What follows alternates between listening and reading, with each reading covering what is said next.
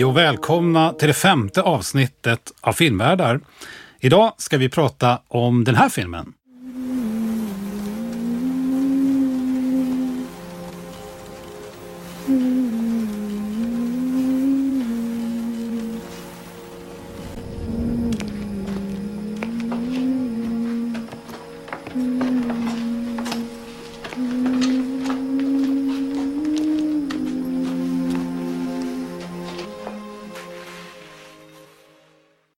Ja, och det här var ju då dagens film som på spanska heter El Labyrinto de Fauno. Eh, den här filmen då är regisserad av Guillermo del Toro och eh, den är från 2006. En spansk-mexikansk film. Eh, och eftersom vi kommer att prata en del om musiken i det här avsnittet i filmen så bör vi också förstås uppmärksamma att eh, den eh, kompositör som har komponerat musiken till filmen heter Javier Navarrete och det är alltså en spansk filmmusikkompositör. Och han fick, blev faktiskt nominerad till en Oscar för musiken mm. i filmen också. Ja. Men du Katarina, vi, vi kan väl prata lite om snabbt den här filmen varför vi har valt den också. För att ja. den har vi ju märkt att den har ju fått en, en, en ny aktualitet på senare ja, tid. Den är ju 16 år i år. Eh, men jag har ju märkt, jag började själv faktiskt tänka mycket på den i höstas. Och det tror jag också har att göra med att man i samhällsdebatten också pratar mycket om fascism igen och vad är fascism? Och det har varit en diskussion om huruvida man kan kalla Trump för en fascist och, och sådär. Och det är också en framväxt utav högerextrema rörelser i västvärlden. Så jag började själv tänka på den i höstas väldigt mycket. Jag såg den då när den kom ut och har inte sett den sedan dess. Eh, och såg den igen och när jag började söka på den så märkte jag att det skrivs en hel del om den. Uh, finns på bloggar eller tidskrifter att olika personer har sett om den. Det fanns till och med en nyläsning utifrån coronaviruset på den här mm. filmen. Uh, så att det gjorde ju också att det kändes roligt att prata om ja. den. Jag upptäckte ju också det när jag väl började läsa mer om den. För mm. att jag, eh, den här gången var jag, det kan vi ju avslöja så här, bakom kulisserna-aktigt, var jag lite svårflörtad först när du föreslog den här mm. filmen och såg den, har inte sett den sedan den kom 2006 och kände lite grann att nej, jag vet inte, den öppnar sig inte riktigt för mig. Mm. Uh, och så då, då framhärdade du i att vi skulle, men låt oss prata lite om den här nu, lite mer och diskutera den. Och, och då gjorde den det väldigt mycket. Alltså den öppnar mm. upp väldigt mycket och mm. jag känner ju också jag tror vi kommer komma tillbaka till det. Jag hoppas det i alla fall idag. Till just att den, den har en sån aktualitet och relevans på många sätt idag. Mm. Och det är en av de stora eh, filmerna om, om fascismen, skulle jag vilja hävda, på de senaste 20-30 åren i alla fall. Ja, Så den är väldigt viktig på det sättet. Absolut. För min reaktion var ju lite motsats egentligen din då. Ah. Jag såg den ju då första gången och kom bara ihåg den lite vagt, att jo men den tyckte jag om och sådär. Men när jag såg om den nu i höstas så blev jag så otroligt drabbad och mm. grät verkligen på slutet um, av den här filmen. Så att jag blev lite sådär ställd när inte du gick igång på den. Jo, jag tycker det här ska jag faktiskt lägga in en snabb så här, inom parentesanmärkning eh, innan vi går vidare till handlingen på den här filmen. För det här är någonting som jag har fått uppleva och kanske du också när vi har jobbat med den här podden att, att uh, filmer kan växa liksom lite olika snabbt i en. Mm. Att man också inte ska feja bort det liksom, eller bestämma Nej. sig för snabbt för. Och det här har vi pratat om tidigare i något avsnitt, mm. alltså, vikten av att se om filmerna också. För ja. mig blev ju det här en sån, eh, återigen kan man säga, evidens för det, att det är så viktigt ibland. Ja, eh, så, att, så, att, så, att, jag inte gick där på mitt första intryck och mm. kände att nej men den här spolar vi, vi det går inte. Nej. Eh, för nu, nu känner jag liksom att eh, jag pratar gärna även nästa avsnitt om den här, men det ska vi inte göra. Nej, vi ska det ta det här en gång. Du, vad handlar den om? Filmen börjar med slutet. En liten flicka ligger på marken. Blod har runnit ur hennes näsa. Hon andas tungt och snabbt. Men blodet rinner tillbaka och sagan kan ta sin början. I Pans labyrint får vi följa hur den lilla flickan Ofelia reser med sin gravida och sjuka mor Carmen för att förenas med Ofelias nya styvfar, kapten Vidal, han är fascist och befälhavare över en militär grupp som befinner sig på den spanska landsbygden för att utrota det sista antifascistiska motståndet. Året är 1944 och Franco sitter vid makten men fortfarande lever motståndet kvar. Vidals hushållerska Mercedes hjälper i smyg rebellerna tillsammans med lägrets läkare. Ofelia är missnöjd med sin nya familjesituation och erkänner inte Vidal som sin nya far. Istället möter hon en magisk värld där en faun berättar för henne att hon egentligen är en prinsessa och att hennes verkliga far sökt efter henne. Om hon antar tre uppdrag kan hon återförenas med fadern i underjorden och få ett evigt liv. Medan Ofelia är upptagen med att utföra uppdragen trappas spänningarna upp mellan fascisterna och rebellerna. Samtidigt blir Carmen allt mer sjuk och dör under förlossningen av Ofelias bror. Ofelia är nu utlämnad till Vidals våld och när faunen ber henne hämta sin bror gör hon som han säger. Men när Ofelia ställs inför sitt sista uppdrag, att överlämna brodern så att hans oskyldiga blod kan spillas, vägrar hon. Istället dödas hon av Vidal som strax därefter finner sig besegrad av rebellerna och skjuts till döds. Men Ofelia dör inte.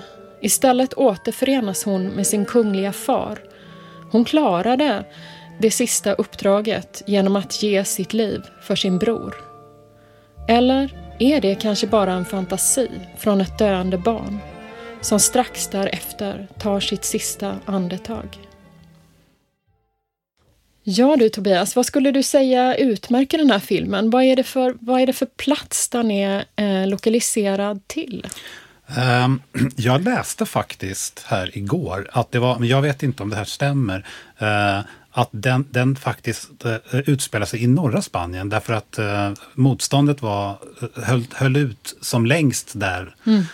Um, och, och, det är ju en film som du nu beskrev i, i handlingen som utspelar sig på landsbygden mm. och eh, där, där eh, ett, en samling av fascistiska soldater, alltså Franco-trogna soldater, är eh, positionerade för att bekämpa gerillan då, där, mm. den sista, sista utposterna så att säga. Eh, och det är ju Spanien 1944, fem år efter att eh, eh, inbördeskriget mm. har tagit slut. Ja.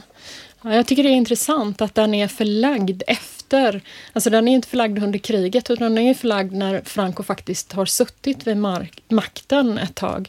Eh, och den här lilla flickan Ofelia är ju besatt av sagor. Hon läser ju på vägen till det här lägret så läser hon ju en sagobok och hennes mamma säger men Ofelia, du är alldeles för stor för detta. Hon är kanske åtta, nio år någonting. Mm. Eh, och jag läste också en artikel om eh, Spanien under den här tiden där, det, där författaren då eh, tog upp att eh, sagor användes ganska aktivt i undervisningen och att det också fanns en känd saga som kom 1943 som handlade om Franco som kommer och räddar en prinsessa som mm. har förgiftats av sin styvmor och hamnat i dvala. Och då kommer Franco på en vit häst och eh, väcker upp henne och så lever de lyckliga alla sina dagar.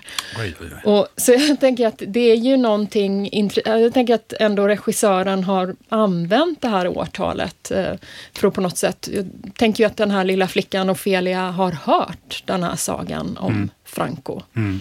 Och man kan ju säga att det här är ju en film som eh, både handlar om en saga men som också är en saga i sig själv, eller hur? Ja, det tycker jag. Det, det, det, det finns en saga i filmen. Mm. Men, men filmen som, som helhet, så att säga, filmens narrativ som, mm. som inbegriper både den verkliga världen, händelserna där på den spanska eh, landsbygden 1944 och eh, det, det som händer eh, i, medan sagan utspelar sig så att säga, som en parallellvärld, mm. bildar ju tillsammans en, en sorts sagoliknande narrativ struktur. Ja, verkligen. Och där man ju kan säga att Del Toro på något sätt också har vänt på traditionella sagor eh, berättelser. Därför det här är ju en flicka som inte har en elak styvmor utan en elak styvfar. Men likt många sagostrukturer så är hon ju ensam mm. och utlämnad och behöver hitta mm. någon slags väg. Men det finns inte någon prins heller som kommer rädda den här prinsessan. Utan det handlar ju verkligen om att hon ska hitta sin egen mm. väg. Mm. Så han har ju inte valt att associera det till så traditionella sagoberättelser som man kanske skulle kunna tänka alla Disney, vad Disney populariserade eh, under 1900-talet. Utan det finns ju, den är ju otroligt referensrik, den här filmen. Ja, eh, verkligen. Det är ju som en godispåse för alla som vill hitta referenser. Eh, och vi kommer inte gå in särskilt mycket på det. Men Nej, man vi skulle kunna nämna några i alla Ja, fall, för att man kan ju säga att han har ju plockat upp till exempel Eh, hon bär samma eller liknande klänning som Alice i Underlandet eh, när hon blir finklädd inför en fest eh, vid ett tillfälle fast den är grön då istället för blå som Alice i Underlandet. Hon har också likartade skor som Dorothy i Trollkarlen från Oz. Mm. Båda flickor som är väldigt viljestarka och bestämda och verkligen går sin egen väg. Mm. Sen finns det ju eh, referenser till, till eh, vissa scener och de är uppbyggda eh, till Francisco Goya också, mm. hans mm. mörkare perioder. Ja. Det finns också referenser till Charles Dickens faktiskt. Och ja. Eh, till och med kan man tänka sig till filmhistoriska referenser till The Shining när de mm. springer mm. runt i labyrinten. Ja. Eh, det finns ganska mycket, och det finns mycket, mycket mer. Det finns också, och det, det kommer vi kanske då komma tillbaka till idag, eller det är ganska säkert komma tillbaka till att det finns faktiskt också i musikanvändningen mm. och i musiken en del referenser. Så det här mm. är ju en film som det går att gräva väldigt mycket i eh, på det sättet. Ja men verkligen. Men vi följer lite ett annat spår idag. Mm. Det gör vi. Och vi kan ju börja med ändå, för det ni fick höra precis här i början utav avsnittet, det var ju ett klipp från när Mercedes, den här hushållerskan då, eh, sjunger eh, eller nynnar en vaggvisa för Ofelia. Och den här vaggvisan, den är närvarande eh, som musik genom hela mm. filmen. Det tänkte inte jag på när jag såg den första gången. Men, men vi har ju märkt ju mer, ju mer noggrant vi har tittat på den här filmen att den, är, den finns överallt mm. i små bitar. Mm. Så vi tänkte att vi skulle börja helt enkelt och uh, lyssna på några olika, ni har ju fått höra en version, men lyssna på lite olika versioner då utav den här Ja, eller närmare bestämt två versioner. Mm. Ja. Uh, men tänkte Så här också... inledningsvis ja. i varje fall, för det kommer ju mer sen. Ja, den, den, den, första versionen som vi ska lyssna på är ju den som faktiskt vi hörde inledningsvis, men lite längre så att vi kan höra vad som händer efter eh, att, att eh, eh Mercedes har sjungit vaggvisan för mm. Eh, eh, Ofelia. Mm. Eh, vi kan höra den tycker jag mm. och sen så kan vi reflektera lite över det här med musiken i filmen eftersom det mm. är så pass intressant. Ja.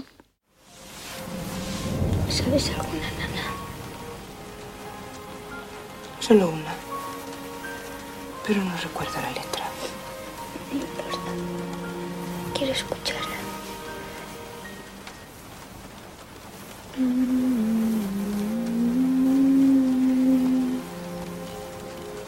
Det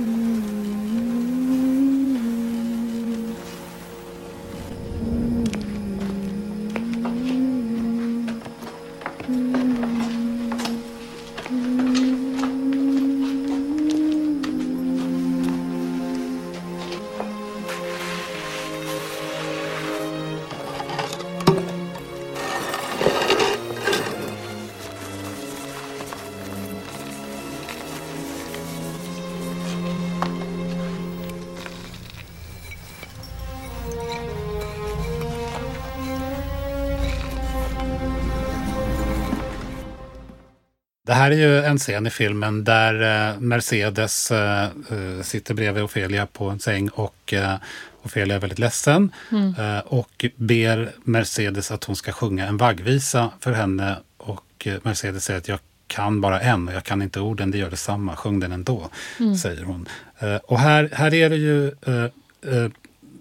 så att den här musiken, vaggvisan, sjungs ju av Mercedes eh, och så småningom så plockas den upp av då det här orkesterakkompanjemanget. Mm. Eh, och det är ett ganska eh, lite spännande sätt att gå tillväga på att hantera filmmusik eh, så att säga, i förhållande till den verklighet som är filmens verklighet. Ja. Det är det på man lite lite tekniskt språk kallar för filmens dieges, alltså den fiktiva världen där, där, där, allt, där händelserna utspelar sig. Mm.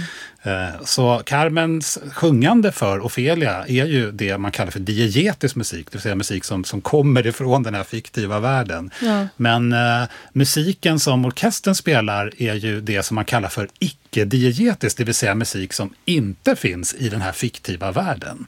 Utan musik som snarare är med att berätta historien. Den är en del av liksom det narrativa maskineriet genom vilket historien berättas och den här fiktiva världen eh, representeras och konstrueras. Mm. Och, och, det som händer i det här klippet, vilket är inte helt, eh, det är inte alls ovanligt i film, men det är ändå ganska fascinerande när man tänker lite närmare på det, det är ju att musiken så att säga, migrerar från den här eh, diegesen då, eller diegetiska världen, den fiktiva världen, eh, till den icke-diegetiska. Så den, den, den mm. förvandlas från diegetisk till icke-diegetisk musik.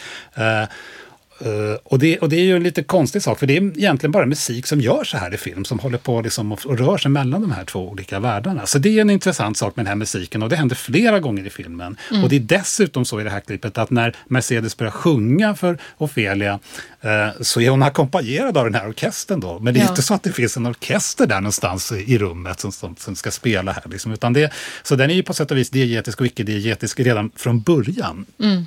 Men då kommer man också till det här i och med att orkestern då eh, plockar upp hennes vaggvisa, hennes sjungande, hennes sång. Eh, så, så händer det också det genom, genom filmen att eh, eh det hela tiden, eh, den här vaggvisan varieras. Mm. Eh, och tematiskt utvecklas och eh, kopplas in på olika typer. Den blir till exempel en vals vid något tillfälle. Eh, mm. vid något annat tillfälle eh, så, så, så, är det oerhört dramatiskt som vi ska komma tillbaka till, nästan konstmusikaliskt. Mm. Eh, men det är hela tiden den här vaggvisan som ligger till grund som en sorts motivisk cell. Som, ja. som hela filmens bakgrundsmusik, det vill säga icke-diegetiska musik, då växer fram ur. Och på ett ganska intrikat sätt som vi kanske vi inte har tid att gå in på idag, kopplar också till hur den understödjer och, och eh, relaterar till det som hänt, skeendena i filmen. Alltså mm. den har liksom narrativa funktioner också. Mm. Så det finns både en tematisk narrativ eh, väldigt viktig funktion som den här musiken har, men den är också väldigt rent musikaliskt väldigt intressant hur den är gjord. Även vill jag understryka om det inte det är ingenting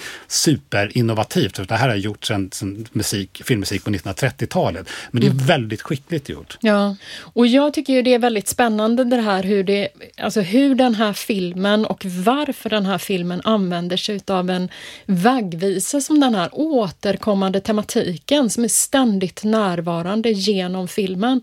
Så att vi kan väl lyssna på ytterligare ett eh, klipp då.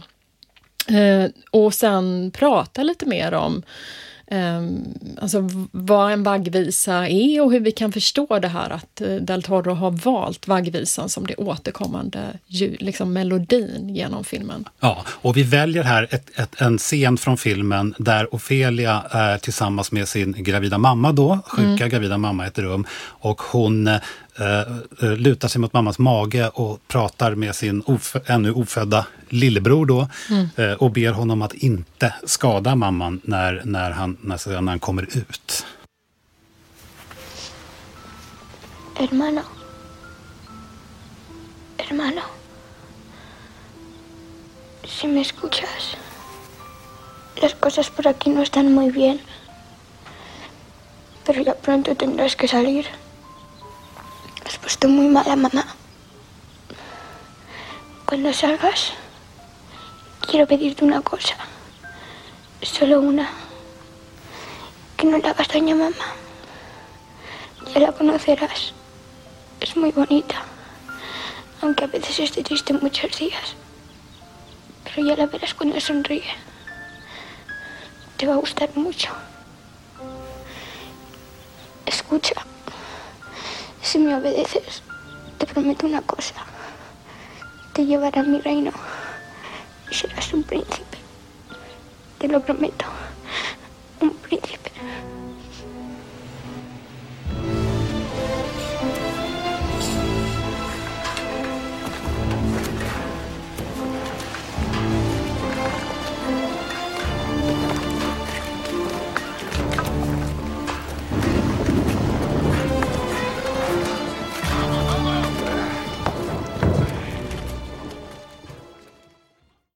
Vaggvisan i valstakt. Ja, precis.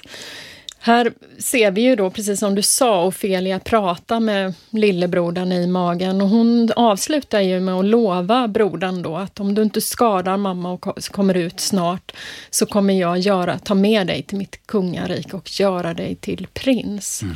Och jag tänker att det finns ju någonting i den här användningen utav vaggvisan och kopplingen till sagans värld som är intressant. För att en vaggvisa är ju, både sagor och vaggvisor är ju någonting som föräldrar eh, läser och sjunger för sina barn när de ska sova. Så det är ju någonting som ska lugna och som ska trösta.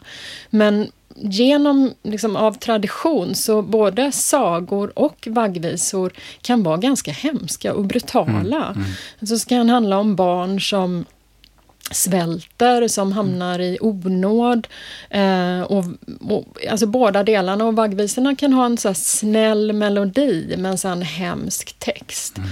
Och jag tänker att den här filmen är ju också så att den, den å ena sidan handlar om den här lilla flickan som eh, man kan tänka utifrån ett perspektiv då att de här fantasierna, eh, om man ser det som fantasier som hon har om den här sagan och det här kungariket, är ett sätt där hon tröstar sig själv och lugnar sig själv och också är med om olika utmaningar för att klara den vardag hon plötsligt har hamnat i. Mm.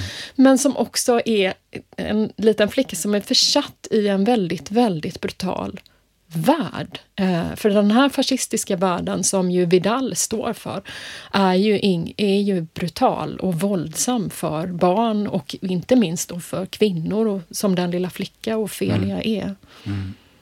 Så, ja, jag tänker ju också att vaggvisan har ju en eh, för det är precis, jag tänker spinna vidare lite på det du säger där, som att vaggvisan kan ju ha, kan ju ha, uh, ha väldigt, uh, eller vaggvisor kan ha uh, väldigt obehagligt innehåll som mm. de förmedlar, så att säga, eller mm. läskigt innehåll. Men Carmen förlåt, Mercedes är det ju mm. som mm. sjunger den. Hon kan ju inte, hon kan ju inte texten, hon mm. kommer inte ihåg den. Nej. Så den, den, är ju liksom textlös här. Men eftersom den också då vävs in som, som en central del genom hela filmen i bakgrundsmusiken så blir den ju också på sätt och vis eh, så att säga, det, vaggvisans text är på ett sätt hela filmen, händelserna i hela filmen. Ja. Så att den, den, blir så att säga vaggvisa för filmen. Ja. Så filmen blir de obehagliga filmen blir berättelser som vaggvisan så att säga, berättar. Ja. Eh, så att den, och den fungerar, och det är också intressant då att hur den kan lyftas upp och fungera på, på flera nivåer, mm. också rent narrativt. Mm. Sådär. Mm. Och jag tänker också att det här att den ju förstärker någonting som är väldigt tydligt i den här filmen som jag tycker är spännande. För det här är ju, det här är ju inte en barnfilm. Men det är ju en film som handlar om en liten flicka och tar en liten flickas perspektiv. Alltså man ser ju filmen genom Ofelias värld. Mm. Det är ju verkligen hon som är huvudkaraktären. Um, och samtidigt som det ju då liksom inte på något sätt, om man skulle jämföra den med en sån här som landet Narnia eller något sånt som också utspelar sig under ett krig, så är ju det här väldigt mycket mer brutalt. Ja, och det, jag tycker det är intressant hur, hur skickligt han lyckas göra, förmedla den här berättelsen till vuxna om fascism och så eh, konsekvent faktiskt välja det här barnperspektivet som ju musiken sen då också förstärker. Vaggvisan är ju väldigt, den är ju på ett sätt så lugnande men den är, har ju också en väldigt, väldigt sorglig ton. Mm. Eh, den är ju också, eh, i och med tänker jag att den här vaggvisan lyfts upp och lyfts in i bakgrundsmusiken och blir liksom säga konstituerande för hela det här soundtracket, den musikaliska delen av det i alla fall, eh, så blir den också någonting mer än en vaggvisa. Den blir, alltså vaggvisor är ju som du, du påpekade, om jag minns rätt nu, med, eh, sorgs, sorgsamma. Mm. Sådär. Så det, blir, det är en sorts sorgesång också över det som har hänt med Spanien. Ja. Så att jag menar, vaggvisan som den hanteras i, i, genom filmen, mm. uh, i, i, musiken, uh, blir, blir, en, blir en sorts uh, lamentation kan man säga över över hela alla skeenden i filmerna och mm. det historiska skeendet och, mm. och, och den, den, brutalitet som, som fascismen står för. Ja. Så den har, ju, den, har ju, den har ju på det sättet också en... Eh, alltså den blir, för mig blir den liksom mer också ja. än, än, en vaggvisa ja. i och med att den plockas upp i, i, i, För att man kan tänka sig bakgrundsmusik är på många sätt väldigt kommenterande. Man kan uppleva det också som det, så att säga, i, i förhållande till det som händer i en film. Ja, men och det den, den handlar om. Det, det, är ju som en sorgesång över att de vann. Fascisterna ja, vann. Ja, men precis. Liksom. Ja, verkligen. Mm. Ett land som har gått förlorat mm. och som, som har tappat sin själ, så att säga. För fascismen är ju själlös om något. Ja. Eh, sådär.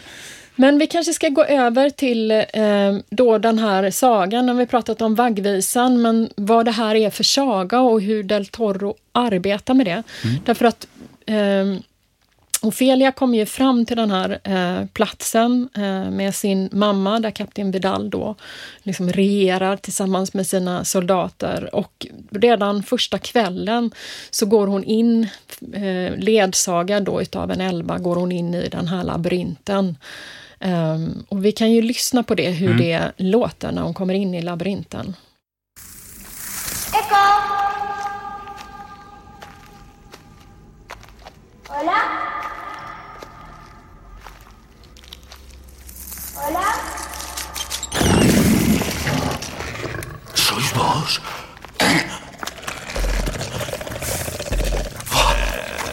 ¿Sois vos? Habéis regresado. No, no os asustéis, os lo ruego. Ah, mirad, mirad.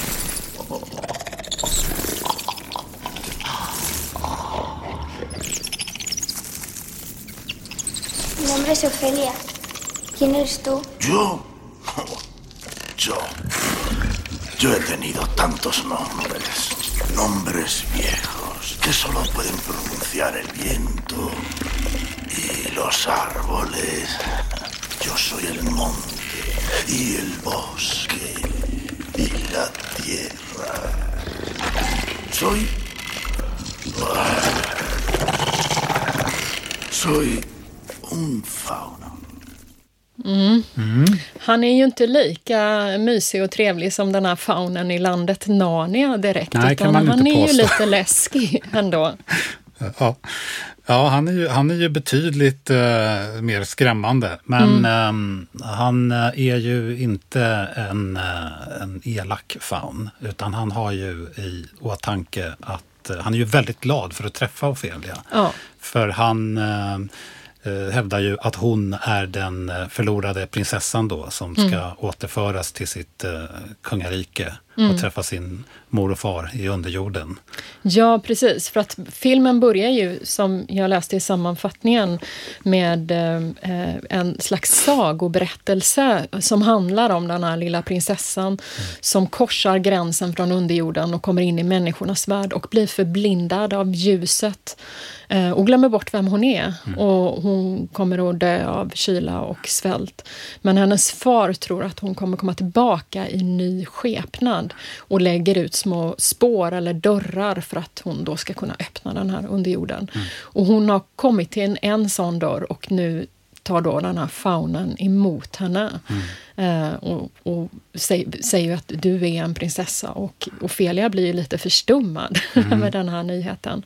Får man ju säga. Men det är inte så att hon bara kommer att få liksom, träda ner nu i sin, sin, sin tillbaka till sitt, sitt sagorike, till sitt kungarike. Mm. Eh, utan hon måste ju förtjäna det så att säga genom ja. att utföra tre, de här tre uppdragen då. Ja. Eh, som, som, eh, som han meddelar henne vilka de är här. Mm.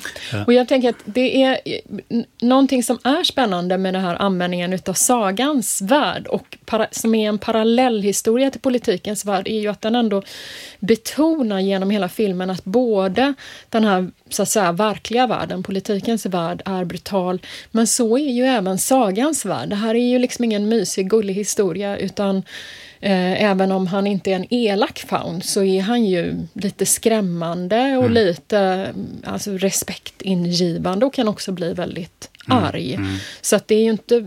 Alltså, det är ju verkligen utmaning för mm. Ofelia som en liten flicka att faktiskt acceptera att hon ska tro på honom och att det här, att hon kan göra de här uppdragen. Mm. Ja, precis. Och man kan ju säga då, det här första uppdraget som Ofelia ska göra, eh, Ofelia får en bok och den, när hon öppnar den här boken så kommer det text som bara, alltså det är blanka sidor, men när hon öppnar den så kommer det text med de här uppdragen. Eh, och det första uppdraget är att hon ska ta sig eh, till ett stort träd som finns i skogen och och det trädet håller på att dö för att under trädet så finns det en padda som då suger ut trädet på all dess livskraft. Mm. Eh, och hon ska döda paddan och ta en nyckel som paddan har i magen. Och det som också är viktigt att veta då är att Ofelia, för att göra det här uppdraget, så lämnar hon har fått en väldigt fin klänning som hennes mamma har sytt. Det är den klänningen som ser ut som Alice i Underlandet-klänningen. Uh, och det ska vara en stor fest som då Vidal har ordnat för aristokratin kan man väl säga här ute på land, eller överklassen ute på landsbygden och kyrkans man. Mm. Och hon smiter ju från detta för att utföra det här uppdraget. Mm. Så vi kan lyssna på hur det låter när hon har kommit ner under trädet och möter då den här paddan. Hola, soy la princesa Moana y no te tengo miedo. ¿No te da vergüenza estar aquí abajo comiéndote los bichitos y engordando mientras el avión se mueve?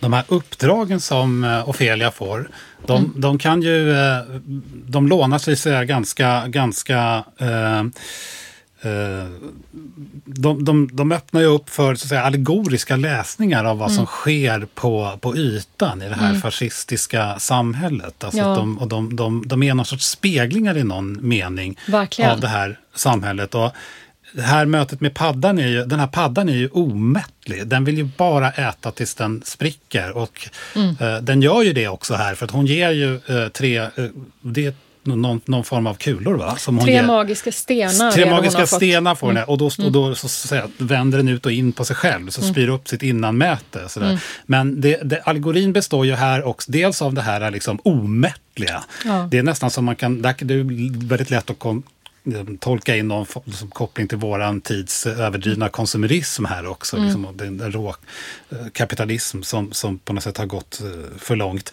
Eh, men det förpestar ju också det här trädet som jag var för. Ju mer den äter, mm. desto mindre näring får trädet. Och det blir ju också någon form av man tänker sig liksom i filmens kontext i alla fall, att man förstår det som att det är en fascismen som tar död på det spanska samhället. Ja. Och det finns kopplingar också till den här middagen som du beskrev som de har, där det är så överdådigt medan då resten av befolkningen svälter. Ja. Så att paddan är på något sätt den här enorma, eh, som, att, att man sitter på hela makten och att, och att hela samhällskroppen på något sätt förstörs inifrån. Ja, verkligen. Det kan man till och med hävda paddan i Franco om man skulle gå så långt på något sätt.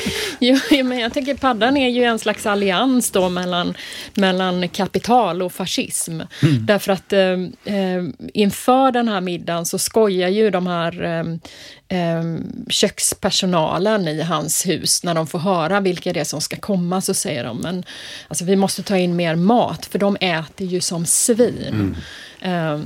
Och man förstår ju också på de som har kommit då att det är ju någon präst som är där men sen är det ju liksom bygdens överklass som är där och det delas ut ransoneringskort då som den övriga befolkningen ska få och som är extremt sparsamma. Ja. Och det är ju för att eh, befolkningen inte då ska dela med sig av mat till motståndsmännen ja, utan bara ska få mat så det precis räcker. Så här har vi liksom den här liksom, eh, ja, men överklassen och fascisterna som lever i det här överflödet av lyxvaror och bara äter mm. och njuter utav det mm. samtidigt som den övriga befolkningen svälter och dör. Mm. Så jag tänker att den här liknelsen är ju mm. väldigt tydlig på det mm. sättet med den här paddan. Uh, nu hör ju ni bara det här klippet, men när man ser paddan så är den ju så stor så att den ju håller på att spricka dricka där nere under trädet. Du nämnde ju också prästen där på middagen. Mm. För jag tänker också att det finns, för det fanns ju alltså kyrkan, den katolska kyrkan i Ja. Spanien, den, den gick ju som hand i handske med fascismen Ja. och ställde sig bakom den i väldigt stor utsträckning. Så det finns ju också en kritik där liksom, mot, Ja. mot det. Så paddan får ju vara allt, det som, en kombination som du säger av liksom någon sorts eh, kapitalism, kapitalistiskt eh, som konsumerism som har Mm, gått för långt och, och liksom som har gift ihop sig med fascismen och eh, eh, den katolska kyrkan, en sorts ohelig allians. Och den här paddan är ju på något sätt, eh, eh, den är ju bara ett monster. Och den här oheliga alli- alliansen mellan olika, så att säga, egentligen ganska oförenliga kan man tänka sig. Eh, I alla fall man tänker sig att katolska kyrkan och fascismen borde vara så att säga. Eh, Men de gick- storheter är ju en sorts monster Ja, också. Så ja, men de gick ju bra ihop och det som ju många fascistforskare har pekat på är ju också hur liksom, ehm, alltså fascismen å ena sidan utlovar någon slags identi nationell identitet till befolkningen samtidigt som man inte utmanar ägarförhållandena utan man har ju ofta då stöd från liksom, den ekonomiska eliten i, i ett land. Så att jag tänker att den ändå markerar det och där ju Ofelia så fint säger när hon möter den här eh, paddan, jag är inte rädd för dig. Nej. Eh, för det är ju också en markering från hennes sida att eh, hon, hon krälar ju verkligen i den Mm. här leran där ju den här paddan lever. Men en markering att eh, jag tänker inte låta dig regera, Nej. ta makten över mig. Så jag är inte rädd. Och hon, hon lurar den ju också. Ja. Precis som hon faktiskt lurar Eh, både hon och Mercedes, den här hushållerskan som hjälper rebellerna, lurar Vidal. För det som ju också utmärker den här gruppen är ju, och vi kommer prata mer om det sen, men är ju dess oförmåga att se och dess lite dumhet då. Paddan luras ju lätt liksom. Och går Ja, den är, den, är ingen, den är ingen större match så att säga, jämfört med, med det som kommer nu. Nej. Ja, precis.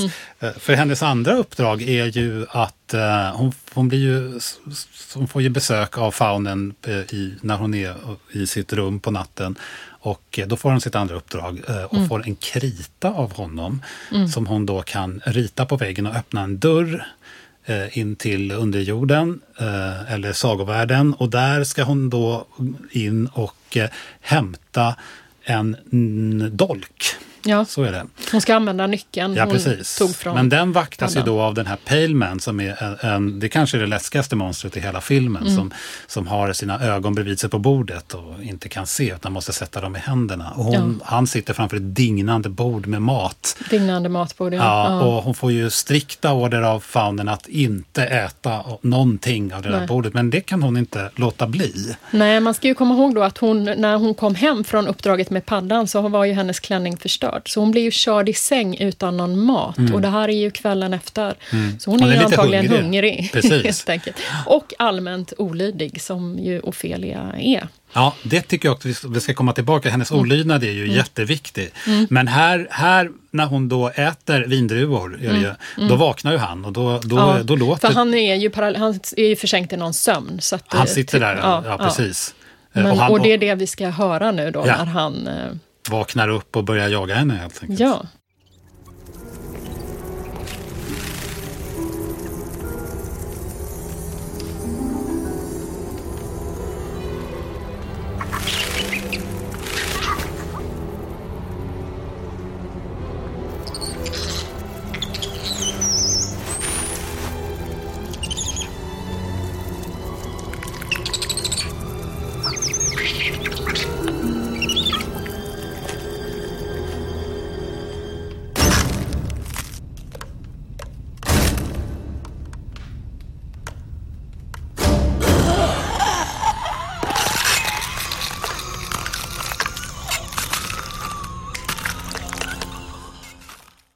Vi talade ju förra gången när vi pratade om Babadook om ett, en typ av ljudfenomen som man använder sig av film som kallas för stinger. Och det är väl verkligen en sån här då. Det man hoppar ju till Ja. när man ser det här. Ja, och det här inandningstaget som man tar och eh, liksom... Det låter som man inte hän- andas på, på många, många år. Nej, och han stoppar ögonen i händerna. Ja, man kan ju säga att ja, det som är intressant i det här klippet är ju hur, för att det vi pratar om med paddan och som ju är viktigt här är ju hur fascismen kontrollerar maten. Alltså med hjälp av ransonering och då kontrollera människans hunger. När de sen denna, samma dag delar ut ransoneringskorten till människor så säger, och ger dem bröd så säger de ju att de röda ljuger. I, i Franco-Spanien så har alla rätt mm. till bröd. Liksom. Mm. Uh, och, så att maten är ju viktig och här är det ju som att om man äter av fascisternas mat, då hamnar man i trubbel. För det är ju det som händer Ofelia. Mm. Han vaknar ju här och hon måste ju verkligen springa för sitt liv. Mm. Jag tänker också på den här scenen som dels, eh, alltså den, har ju, den är ju sorts direkt av motsvarighet till middagen som de Verkligen. har med det överdådiga. Eh, men det som inte händer här, som händer i den scenen när de mm. sitter och äter alla mm. fascisterna och kyrkans mm. män och så vidare, är ju att han, han äter ju aldrig själv den här maten. Och den här Paleman är ju verkligen pale, alltså han är mm. ju helt utmärglad. Du tänker på Vidal äter inte? Eller? Nej, jag tänker på, på Paleman här. Ja, han äter i, inte. Han är, han, det här monstret äter mm. aldrig av sin egen mat. Han sitter där Eh, hur länge kan han ha suttit? Han, kan, han sitter väl där i evighet och har det här liksom fantastiska matbordet framför sig och äter aldrig någonting av det och är helt utmärglad. Mm. Eh, men det blir ju en sorts, eh, på något sätt, en, också en sorts symbolisk, en symbolik som kopplar till fascismen som någonting som, som också eh, svälter inte bara befolkningen rent faktiskt, även om mm. de kommer med små, små bröd och säger mm. det, så mm. svälter ju, svälter ju befolkningar så att säga, under, i auktoritära mm. eh, samhällen, mer eller mindre. Framförallt sånt där samhälle som Francos. Då. Eh, men också så att säga, kanske lite, lite, lite intressantare att det är en sorts eh, självsvält när det gäller det, det egna inre. Ja. Och vi har inte kommit så mycket till Vidalen, men han är ju en person som nästan knappt har något inre. Han har ingen fantasi. Han ler aldrig genom hela filmen. Nej. Eh, så det blir liksom en koppling till, här finns, här finns all fantasi, här finns all mat i världen. Men jag äter inte av den, jag vaktar den bara. Och ingen annan ska få äta av den heller. Nej. Alltså man vet inte vad man ska göra med all, med all denna glädje och liksom mm. kreativitet och all denna sinnlighet som finns i världen. Så ja. Fascismen är emot allt det där. Liksom. Ja. Den... Och den här Paleman, det är ju här referenserna till Goya finns och också till olika mytologiska figurer. Därför att mm. Paleman har ju, det är ju gott om målningar på hur han äter barn. Det. Och det finns också en hög med eh, barnskor som ligger, så att det finns ju referenser till Förintelsen och, och så. Så att den här Paleman är ju verkligen en sån här grym figur. Och han sitter ju på kortändan Precis, så, så rent bildmässigt har det också till, sin motsvarighet till hur Vidal kvällen innan satt vid sitt eh, dinglande ja, bord. Absolut. Jag tänker ju också på Ofelias utförande av de här uppdragen och i synnerhet just det här med Paleman, det, det uppdraget. Mm. Men även de andra, alltså att det är ett sätt att, för att hon, hon är ju som du sa tidigare, hon är olydig hela tiden. Så ja. det är en sorts eh, civil olydnad. Hon ägnar sig åt bara genom att ägna sig åt sin fantasi eller att liksom ta del av den här världen. Men mm. de här utmaningarna, uppdragen i sig är ju ett sätt att eh, på ett sätt bekämpa fascismen. Mm. Eh, eftersom, de, eftersom de är på något sätt bilder av fascismen. Ja, fascismen som man vänder på, alltså ja. fascismen i underjorden på något sätt. Jo, men det är ju det är som att hon tränar sig i det här att jag är inte rädd för dig. Jag är inte rädd Nej. för dig och, och jag kommer stå emot det. Och jag kommer också, för de betonar ju genom filmen, eh, precis som du säger, hennes olydighet. Men det är ju också en väldigt central sak, är ju hennes på ett sätt barnsliga olydighet då. Därför att det som utmärker henne flera gånger när hon är olydig är ju att hon är i ögonblicket. Mm. Precis som barn är. Hon, mm. hon lyder inte för att hon lever i sin egen fantasivärld mm. och blir lockad och, mm. och låter sig själv också vara ett barn. Och det mm. tror jag är en viktig del. Ja, det är ju en del, del. av det. det. Precis, att in, inte förstöras, låta barnet förstöras heller. Men jag tänker, om man ändå tänker på hennes uppdrag som någon form av liksom motstånd, som mm. också i någon mening i alla fall en sorts politisk handlingar, eh, ja. motstånd, så, så är det ju också det, för att jag, jag upplever väldigt mycket att den här sagovärlden och den fascistiska verkligheten 44 är, är även om de liksom griper in lite i varandra, så, så, så är de ju någon sorts parallellvärldar. Så det hon gör här med uppdragen är ju också att hon, hon på något sätt gör samma typ av motstånd subversiva verksamhet som gerillan ägnar sig mm. åt. Så, så, det, så, så, så, hennes motstånd och hennes, hennes politiska handlingar sker ju på liksom på flera sätt. Dels att hon ägnar sig åt att bejaka fantasin, att hon mm. låter sig vara ett barn. Ja. Eh, men också så att säga, på någon sorts parallellitet i förhållande till det mm. som händer. Ja men verkligen, hon blir ju, hon och Mercedes då, den här hushållerskan, blir ju varandras, alltså de speglar ju varandra på något sätt. För ja. även Mercedes får ju göra olika uppdrag och försöka hitta nycklar ja. som, där hon ska ge ja, till. Precis, där Precis. hon ska ge alltså, nyckeln till eh, Vidals förråd med mat eh, överlämnar ju hon till, fascisten, till antifascisterna. Då. Eh, så, att, så att det finns ju en relation mellan de två, som den, den lilla flickan och den vuxna kvinnan som gör motstånd mm. mot fascismen. Mm. Och Vidal och Paleman är ju, eh, har ju också, som vi har tidigare nämnt, liksom varandras motsvarigheter mm. eh, på något sätt. Och, eh, Vidals eh, eh, inre tomhet gestaltas ganska bra tycker jag i, i ett klipp där han står och lyssnar på radio. Han mm. lyssnar också på musik, men det är ju helt annan musik än, än filmens eh, Verkligen. bakgrundsmusik. Så det kan vi höra här och, och, och prata lite om Vidal. Ja.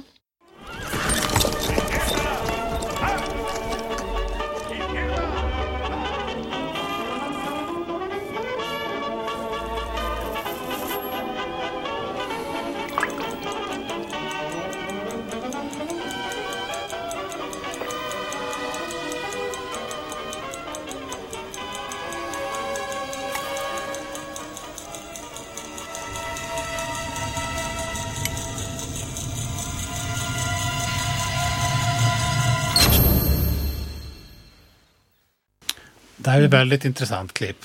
Ja. Där, där, som, som börjar med, med en hurtig slagdänga eh, och slutar i eh, väldigt, väldigt dramatiskt eh, med att Vidal står tittar sig själv i spegeln och gör någon sorts rituellt självmord. Han drar alltså, så han står och rakar så här i det här mm. klippet och så drar han där Eh, mot sin egen hals i spegeln. Ja. Eh, och man hör ju det här klockan och tickande tiden som tickar in här eh, och han, han tittar ner på sin klocka med avsmak. Mm. Och det här, är, det här är någonting som, det är någonting med Vidal och tiden i den här filmen. Han är ju mm. hela tiden beroende av att kontrollera att allting sker på punkt till punkt och pricka och han tittar hela tiden på sin klocka och han, han, han mäter om, om när folk ska komma dit resande till det här stället där de är, om de kommer mm. för sent några minuter och så vidare.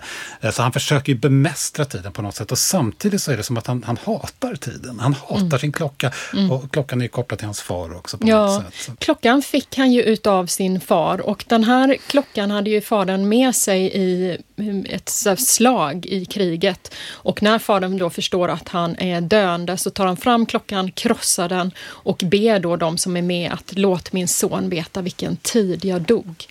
Och väldigt tidigt i filmen så får vi se Vidal sitta och lyssna på precis den här musiken eh, och laga klockan så att han får ju klockan att gå igen då. Eh, och man förstår ju under filmens gång att han har en otroligt ambivalent relation till sin far. Å ena sidan är han ju helt besatt av sin far och tanken på att han själv ska få en son och föra sin fars arv vidare. Å andra sidan så har han ju någon slags avsky och förakt mot sin far, liksom mot sig själv. Mm. Absolut.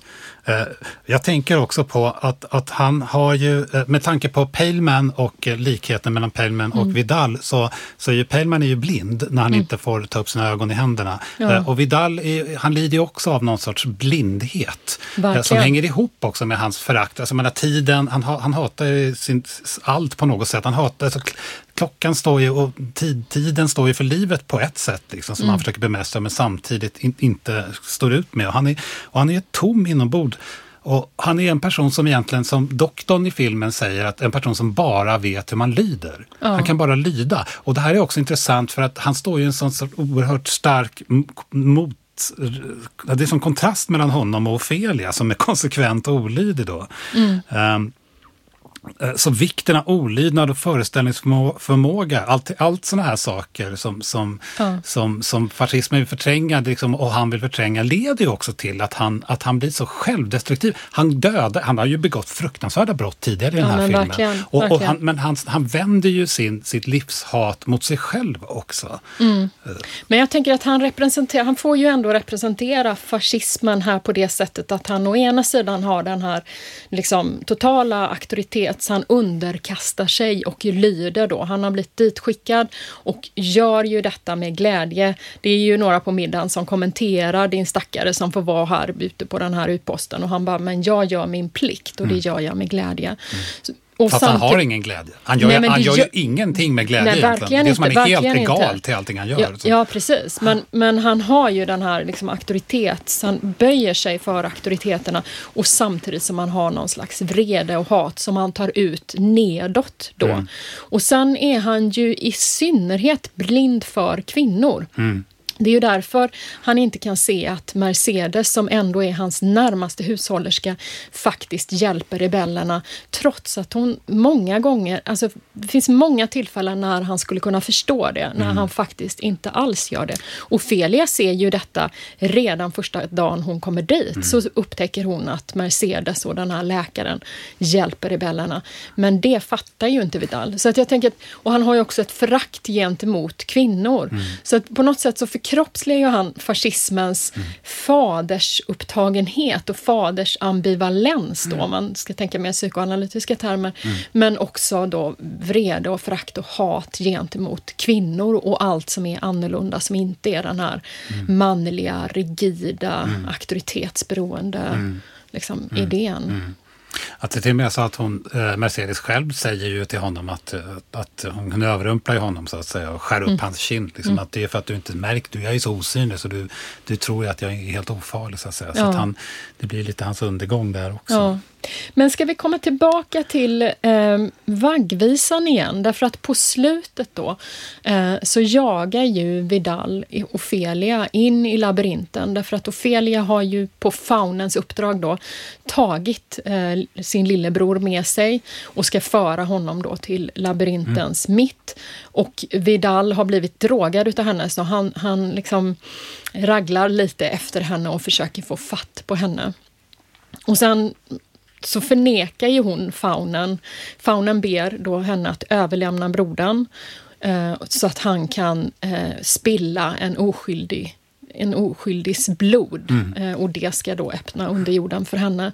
Och det vägrar hon. Mm. Eh, och i samma ögonblick som hon vägrar det så kommer ju Vidal mm. och eh, skjuter Ofelia. Mm. Mm. Och då kommer ju den här vaggvisan tillbaka. Så jag tycker vi lyssnar på hur det låter.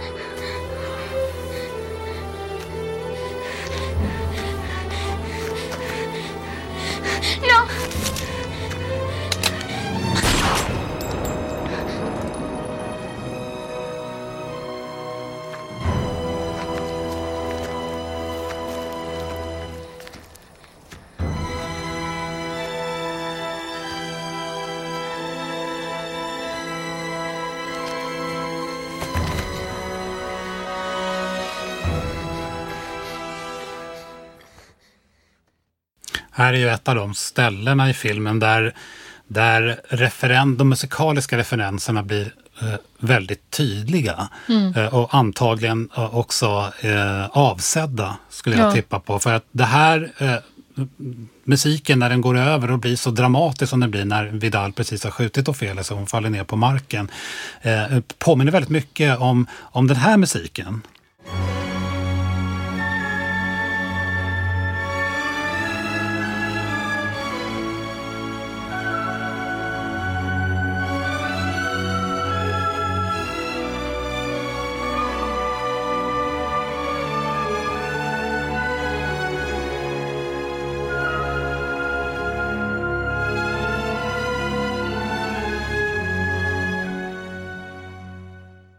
Det där är andra satsen av Joaquin Rodrigos eh, eh, Concerto de Aranjuez från mm. 1939. Eh, och, eh, de, de, och den är då, de, det var du som uppmärksammade det. Jag visste inte, eller hade glömt bort att den var skriven 1939. Ja. Men det hade du luskat reda på där. Men den har också, det finns en ju väldigt tydlig affinitet rent uttrycksmässigt mellan de här två. Mm. Men det finns också en tematisk affinitet i, i melodin. Ja. Därför att vaggvisan går ju så här La, la, la, la, la, la, la, la, la, la, la, la, la, la. Eh, Rodrigos, ett, eh, själva grundmelodin, så att säga, huvudtemat i andra satsen som vi hörde här, eh, går ju så här la la la la la la la la la la la la. Och den där kan man faktiskt baka ihop på ett sätt så att det skulle bli väldigt bra. Det blir så la la la la la la la La la la, la la la la la la la, la la la la la la la la la. Så, så att det, det är alldeles uppenbart och det finns, det är också så att det, det här temat, vaggvisan, den, den bygger den, de två första så att säga, tonerna är ju det man kallar för en stor sekund. Det låter, och så låter den la, la, la, la, la. Och det är ju så att säga en utbrodering av de två första tonerna i, som också är en, en, en stor sekund då, i Rodrigos eh, tema här som är la la la, la la la, la la la la la. Eh, Så här finns ju en väldigt tydlig referens då. Och det här, Rodrigos eh, gitarrkonsert, andra satsen, har ju haft en, den har haft enorm popularitet. Inte bara som nästan någon sorts nationalmusik i Spanien, utan den har ju plockats upp av, av musiker som Miles Davis och Deep Purple och liksom spridits över världen. Så det är en väldigt, väldigt populär melodi.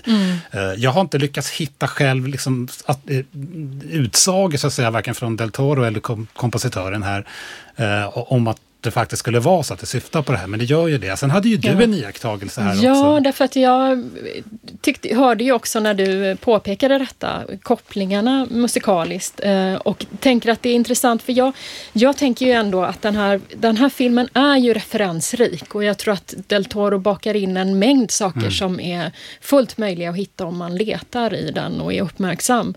Ehm, och som också ger oss den här betoningen på att vi ska faktiskt vara uppmärksamma när vi tittar på filmen. Eh, Men det som är intressant är ju att den gjordes då 1939 och det är ju när Franco tar makten i Spanien. Och den är skriven som en reaktion på ett missfall eh, som han, eh, Rodrigos fru då får av deras första barn. Så de förlorar ju sitt första barn och han skriver den här melodin. Och jag tänker att det också, det finns en sån här symbolisk mättnad här om att här kommer Franco, fascisterna tar makten, eh, det första barnet dör och Vidal skjuter Ofelia, motståndet dör liksom. Barnet dör, han skjuter framtiden och han skjuter hoppet någonstans. Som den här vaggvisan i sin så här dramatiska tonart då förmedlar till oss. Det är ju precis i det här ögonblicket och lite längre fram som ju jag började verkligen storgråta och har gjort flera gånger när jag sett, trots att jag har sett Ja, om den, den flera jätte, gånger. den är väldigt rörande den där scenen. Otroligt rörande. Det är en sån här typ av filmscen på slutet där, där en karaktär dör och man, man kan tolka det som händer efteråt. Eh, även om det inte behöver vara så. För den här filmen har ju den här dubbla, liksom, det kan vara så att sagovärlden existerar, det kan vara en föreställning för henne. Då. Men att det som händer skulle ju kunna vara så ur ett perspektiv att hon föreställer sig då eh, när, hon, när hon håller på att dö att hon kommer ner då, för det är det, som- det, är det sista man får se i den här filmen är att hon kommer ner i underjorden och får träffa då sin far och mor som sitter som kung och drottning på tronen där och även faunen stiger fram Ja. och berättar för henne att du klarade det sista uppdraget. Det var just precis detta att du inte skulle lämna över eh, din, din lillebror till mig och det var inte hans bror som skulle, blod som skulle spillas. Att hennes, och det, då, då säger kungen att det här var den viktigaste, det är det viktigaste eh, uppdraget, det sista. Och att, Ja. att, att att hon vägrar, alltså den där civila hon- olydnaden går på topp där på något sätt när hon Ja, vägrar lämna ja. över den. Så att, och filmen, för jag tycker han gör det väldigt skickligt. eh, För jag vet att jag såg den med min dotter och min, eh, vid ett utav tillfällena och min dotter hade inte sett filmen tidigare och hon påminner väldigt mycket om Ofelia och ända sedan hon var liten Ja. verkligen levt i böckernas värld. Ja. Så att det blir ju så otroligt ledsamt när Ofelia sköts. När jag såg den med min dotter eh, och jag grät och min dotter säger då, men, men mamma hon klarar sig ju. Eh, för att hon såg verkligen filmen som att hon överlevde medan jag då tänkte filmen som att hon det är hennes fantasi och att hon dör. Och din dotter får medhåll av Del Toro själv Mm. som har sagt att den här världen existerar och pekar på olika saker eh, som, i filmen som, som då ganska entydigt har han hävdar han, liksom pekar på att... Ja, men där tycker jag att han, är, han, Han- han gör lite inte- fel. För Ja, att någonting som han med. har varit duktig på genom filmen är ju faktiskt att skapa mångtydighet. Ja. Och att inte sluta världarna. Och det finns ju mycket, eh, jag har ju försökt att se den här filmen både utifrån att hon dör men också att hon överlever. Och det finns ju så att säga bevis för båda delarna egentligen. Eh, och jag skulle säga så här, man liksom ska avsluta lite med vad, hur, vi kan tänka kring den här filmen idag så tänker jag att just den här referensrikheten och mångtydigheten gör filmen till en så tydligt estetiskt sett antifascistisk film.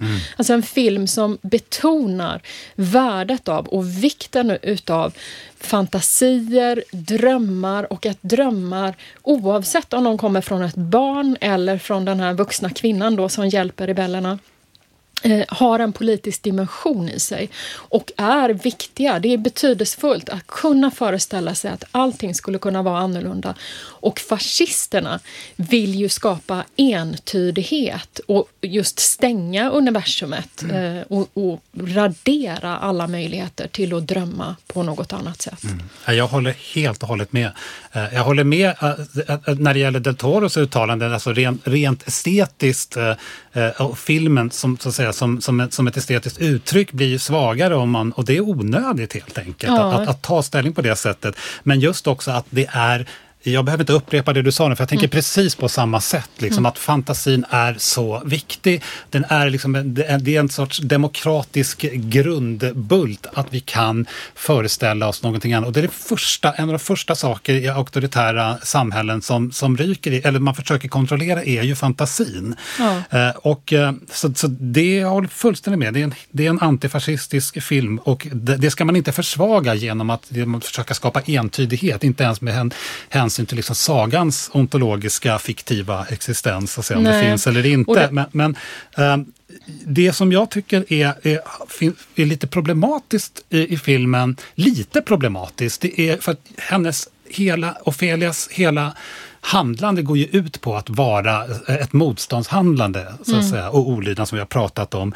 Ehm, och eh, men när hon kommer ner i underjorden så, så är ju det här samhället definitivt inte fascistiskt, utan det är ju snarare liksom eh, en, en form av Platons idealstat med någon sorts, de, de är inte filosofer, kungen och drottningen, de är väldigt visa, det är liksom sagans värld som, som den ju är. Men den är ju också väldigt hierarkisk, kanske till och med auktoritär skulle man kunna tänka Jo, sig. men det är ju ett kungarike. Ja, och det, men- ja, precis. Det är ett kungarike, men, eh, men i filmen, i kontexten av filmen, så, så blir det ändå så att säga en, i någon mening en upprepning av den, den hierarkiska auktoritära samhällsstruktur som finns. Så, att säga. så det, det blir lite, lite stör, störande där för mig på ett sätt, men samtidigt skulle jag vilja säga att eh, den är så stark den här filmen just för att den, den, den, den betonar så mycket vikten av att fördjupa sig i fantasins värld och att odla sin fantasi genom också konst, litteratur, musik och film som det, som det här ju själv är då.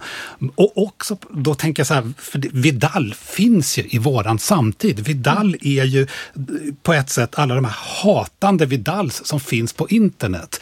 Alltså att, som vill stå fast med, sin, med någon sorts åsiktsfascism som råder i våran tid och liksom alla ska trycka ner alla så att säga, som tar död på vår fantasi. Så att vi, vi, det, det- man kan nästan läsa filmen eller förstå den som att det är en uppmaning att vara som Ofelia.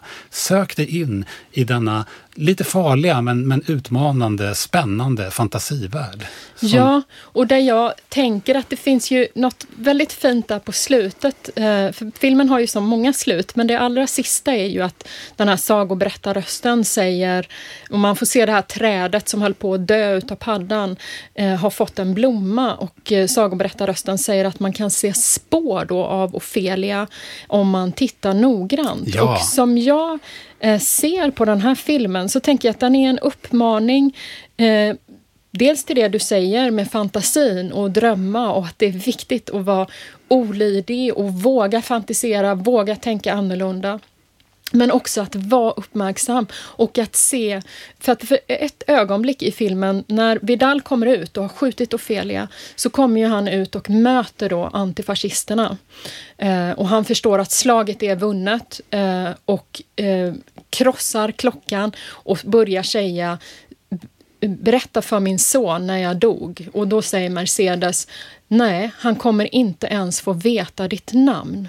Och jag tänker att en, någonting som är så otroligt starkt med den scenen och som jag tycker att filmen gör, det är att på något sätt bli en kontrafaktisk berättelse. Att någonstans säga, men tänk om det vore så att antifascisterna hade vunnit. Att det faktiskt var så att Alltså att den kommunicerar att det inte bara Vidals namn som inte kommer att återberättas, det, utan fascismens ja, namn. Men det betyder ju att, att filmen på, sin e, på, på, filmens egen nivå så att säga eh, eh, utför samma typ av olydnad genom att vara ja. kontrafaktisk som, ja. som, eh, som Ofelia gör genom att hänge sig åt sin fantasi. För det är ju det filmen gör då på den, på den, på den nivån. Ja, men den öppnar upp den möjligheten och ber oss också, för det är det jag tänker med den här blomman. Om ni, ser, om ni tittar noga kommer ni se, och jag tänker att blomman på något sätt representerar, ja, genom historien så slås motstånd ned. Men om vi tittar noggrant så kommer vi se alla de här människorna som har dött när de gjorde motstånd och deras handlingar var viktiga även om de dog. Mm. Det är därför det inte spelar någon roll om Ofelia faktiskt dör eller om hon lever kvar i undervärlden. För jag tänker att hon lever ju som ett slags minne mm. av och ett återberättande, traderande av värdet av motstånd då. Mm. Och det är det, det, vi kan komma tillbaka till när vi ser den här filmen också. På något ja. sätt. Att det, det, det, här är ett utmärkt exempel på eh, någonting som vi har pratat mycket om, vikten av att se om filmer och att leva med filmer och även med annan litteratur. Därför att det får oss också att få syn på det här. Alltså, ja. jag om jag hade varit uh, som en vanligt stressad människa i vår tid och bestämt mig mycket för att jag inte vill ge den här filmen en chans. Om inte du hade övertalat mig och gjorde det så hade jag inte fått syn på, på detta heller. Så det handlar ju så oerhört mycket om det också. Att, det, att vi måste ge oss den tiden. Att vi måste göra, o, vara olydiga och ge oss hän till fantasin. Men då måste vi också säga nej till till den entydighet som, som på något sätt vill erövra vår tid också. Ja. Och där du måste vi sätta punkt för den här Nu är det dags att sätta punkt. Så att det inte drar ut över tiden. Och vi kommer ju komma tillbaka till likartade eh, teman, fast verkligen i vår tid, genom vår nästa film som vi ska prata om nästa gång, eller hur? Ja, det är ju eh, Ken Loachs senaste film. Vad heter mm, den? Från 2019 är det, det är va? Den, från 2019. Eh, Sorry We Missed You heter den. Yes. Och eh, då är ni välkomna att lyssna på oss då. Men tack allesammans för att ni lyssnade idag och tack Tobias. Tack Katarina.